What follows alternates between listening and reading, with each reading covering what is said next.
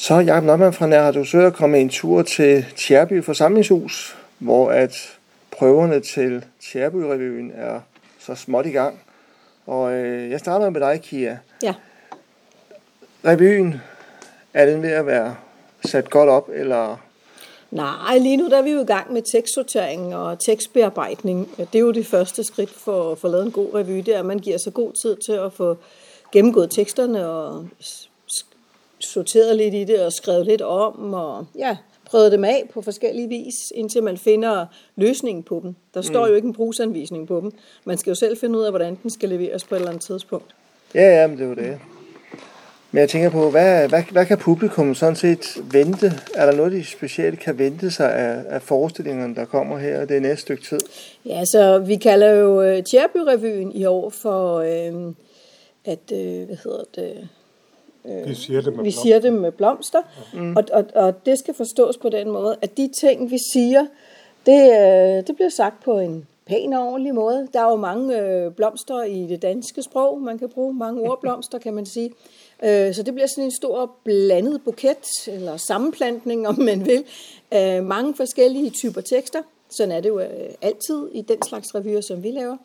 Og øh, det er øh, hvad hedder det, revyer, en revy på helt traditionel vis med to dele, og øh, i hver del er der et par bænkebidere, øh, og bænkebiderne, det er nogle små film, vi laver, som, øh, kommer, som folk kan se, hvor der sidder tre meget utilpasset, kan man vel godt kalde dem, personer på en bænk lokalt et eller andet sted. Det kunne være lokalt hvor som helst i landet, vil jeg lige sige.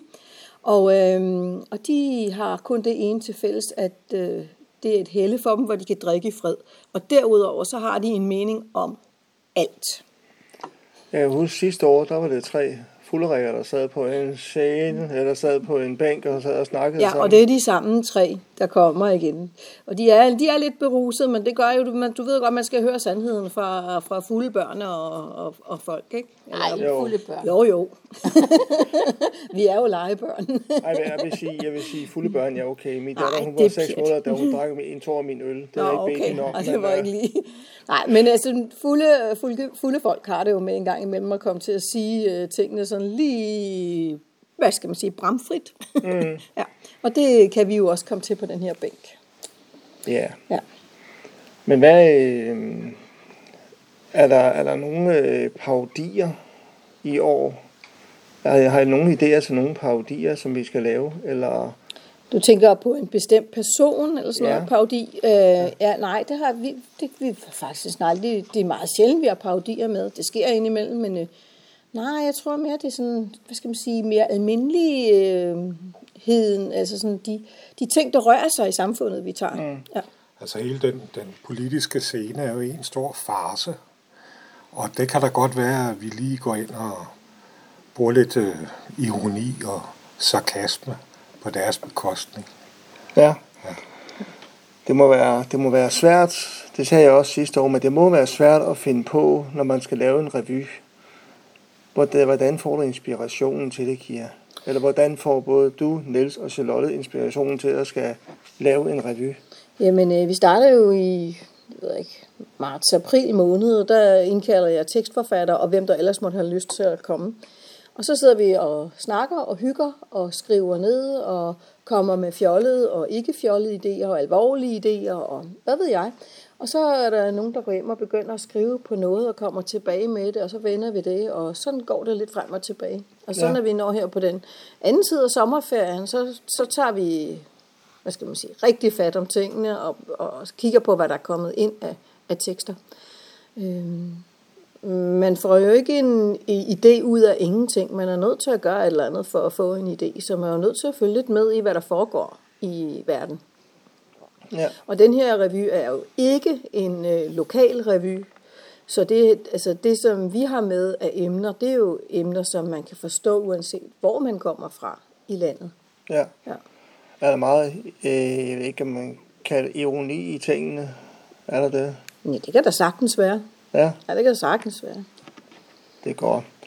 Øh, Charlotte, du er jo også med i revyen. Det var du jo også sidste år.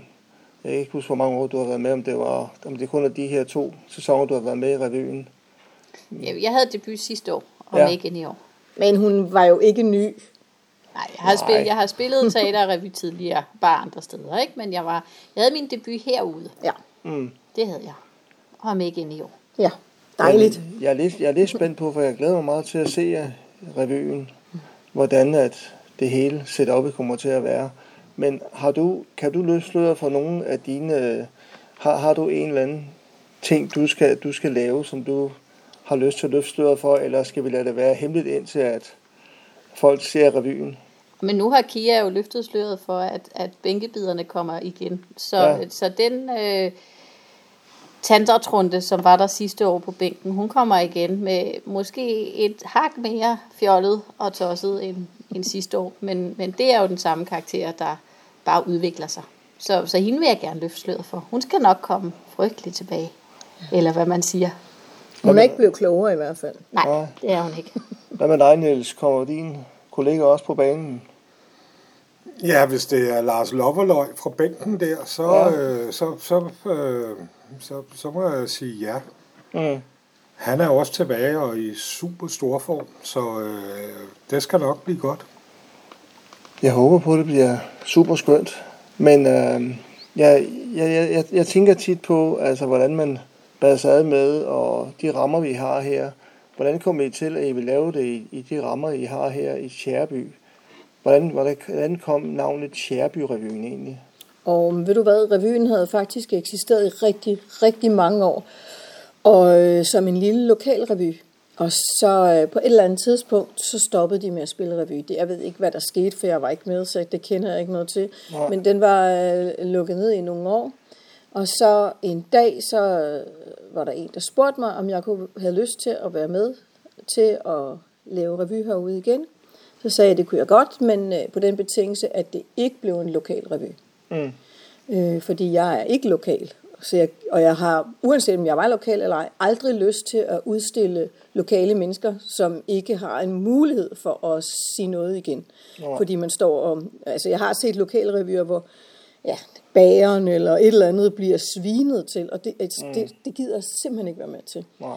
Øhm, så, øhm, nej, så jeg sagde, hvis det ikke bliver en lokal revy, men mere globalt, så, øhm, så vil jeg gerne være med.